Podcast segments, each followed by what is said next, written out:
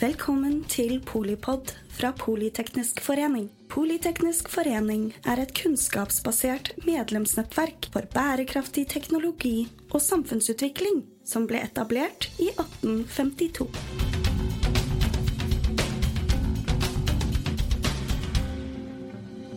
Velkommen til Polipod og det jeg brenner for.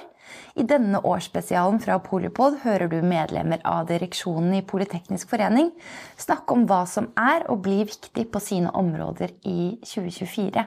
Emil Ide Aasen, du er forretningsutvikler i Aker Carbon Capture. Hva brenner du for?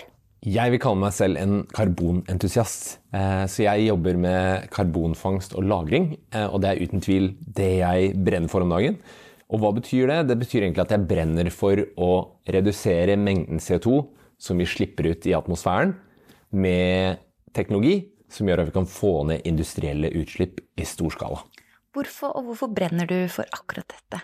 Det er veldig håndfast, syns jeg. Vi har jo et, et, et, kjempeproblem globalt. Vi slipper ut for mye CO2. Og så finnes det veldig mange måter man kan redusere den mengden CO2 på. Og vi trenger hele den verktøykassa. Og så er karbonfangst og -lagring en del av den verktøykassa som jeg syns er veldig håndfast. Er, du slipper ut CO2 fra, et, fra, en industriell prosess. Vi ønsker å fange den og permanent lagre den, sånn at den aldri slipper ut i atmosfæren. Og dette er gjort i noen grad i Europa, det er gjort litt i Norge, det er gjort i andre deler av verden. Men nå skal vi virkelig få det opp i skala for å faktisk virkelig få effekt på det her. Og da blir det veldig håndfast for meg at vi faktisk kan ta disse utslippene og redusere de. Det handler ikke om å bytte ut kraftproduksjon samtidig som vi på en måte hele tiden øker kraftforbruket vårt i verden. Det trengs også. Så fornybart f.eks. For kommer inn og tar over kraftproduksjon fra kull og andre kilder. Det vil skje i stor skala og større skala enn CCS som sådan. Men for meg så er det å faktisk kunne fange et CO2-molekyl, lagre det permanent og unngå at det kommer opp i atmosfæren, en veldig konkret måte å hjelpe oss å nå klimamålene på. Eh, og det er jo det er ikke så lett å spå fremtiden, men eh, hva tror du blir viktig i året som kommer? Nå, akkurat mens vi sitter og har den praten her, så er det jo COP eh, som foregår. Eh, der skal man gjøre opp regninga for hvordan det har gått med klimamålene det siste året, og ikke minst hvordan vi skal jobbe med dette fremover. Eh, og jeg vil jo si at tiden fremover blir jo utrolig viktig. Eh, både for Norge, for Europa for verden. Nå står vi helt på utgangen av 2023, vi skal inn i 2024. Eh, da er det seks år til 2030. Og 2030 kan for mange virke langt unna når vi snakker om disse 2030-målene og 1,5-gradsmål og 2-gradersmål og hvor vi må være i forhold til utslippskutt.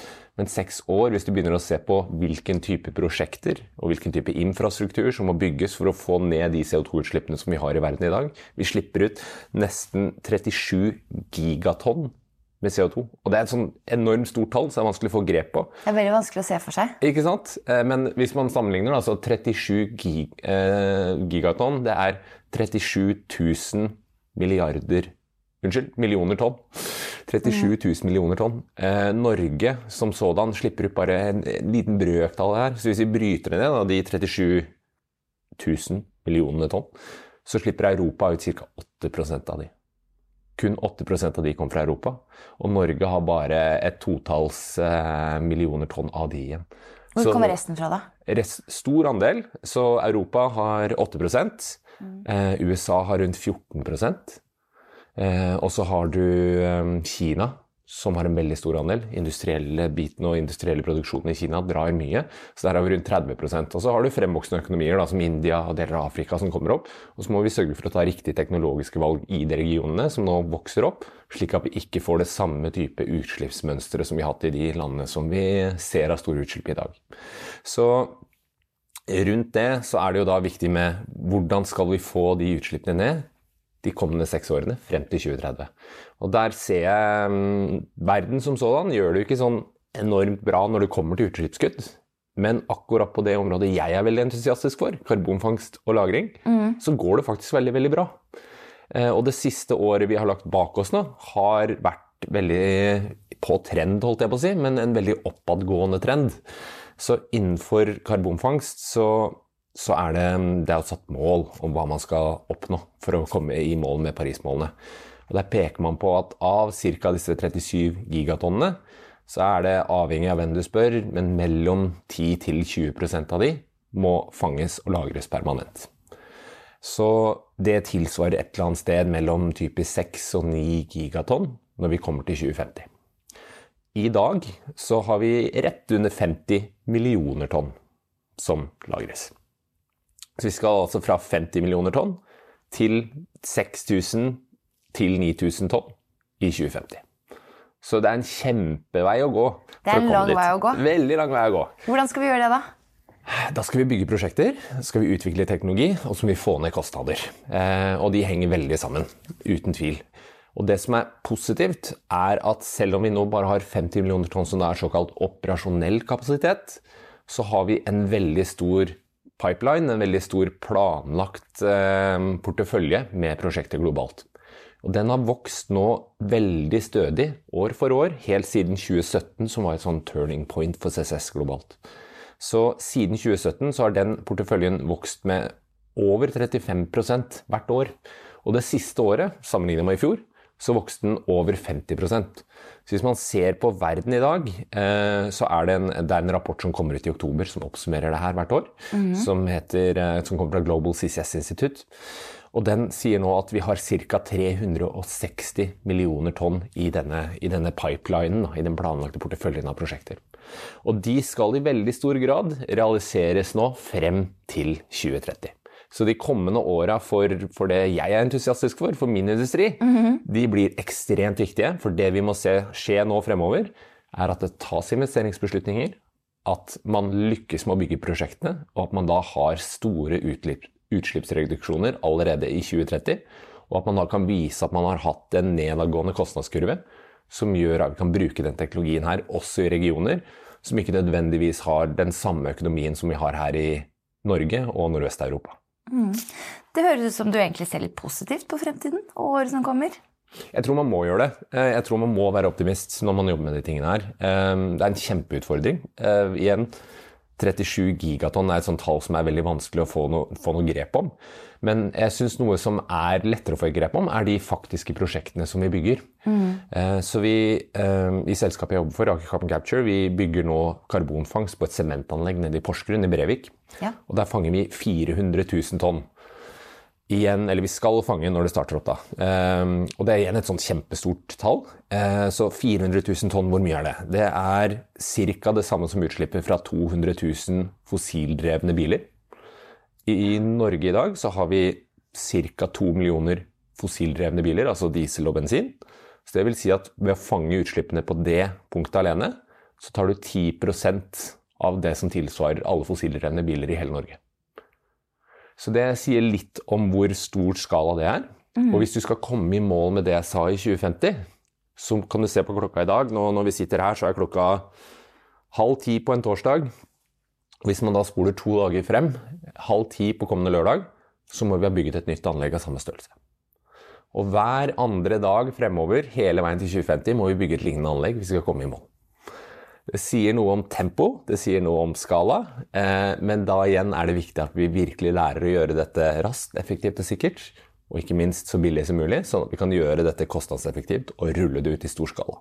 For Norge er én ting. Igjen, Norge har en liten fraksjon av de utslippene her. Mm.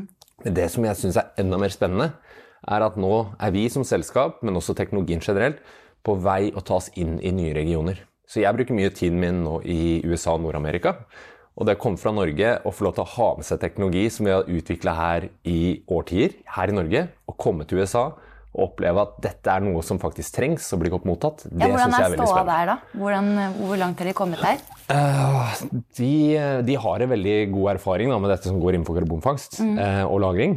Um, litt annen type industri der borte, der de tidligere har brukt en del av den CO2-en til såkalt EOR.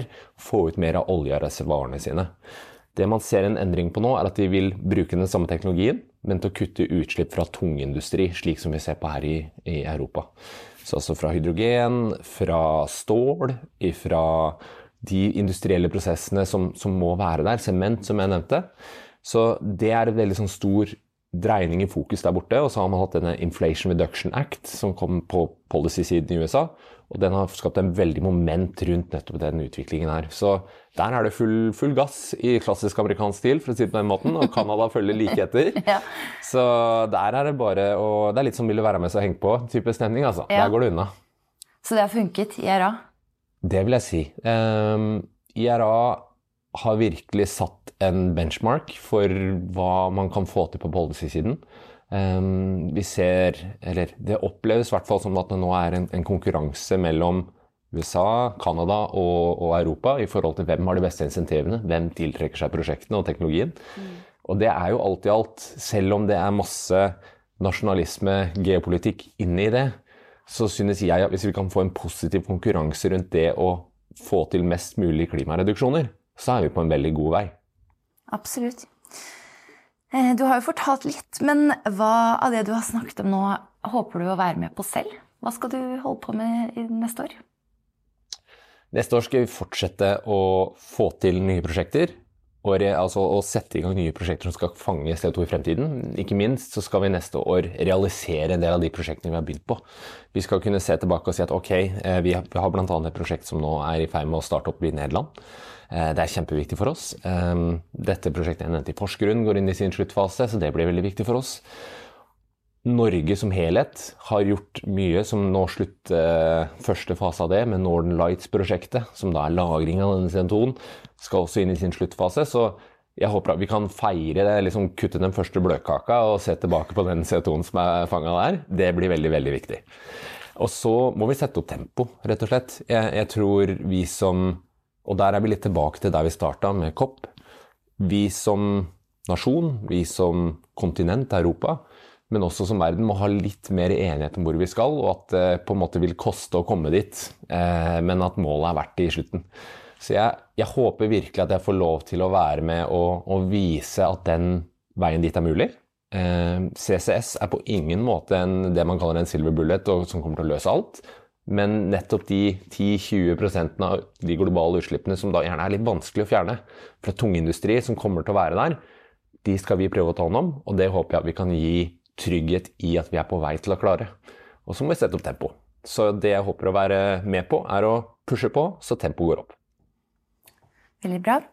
Tusen takk eh, for praten til deg, Emil Ydåsen, forretningsutvikler i Aker Carbon Catcher.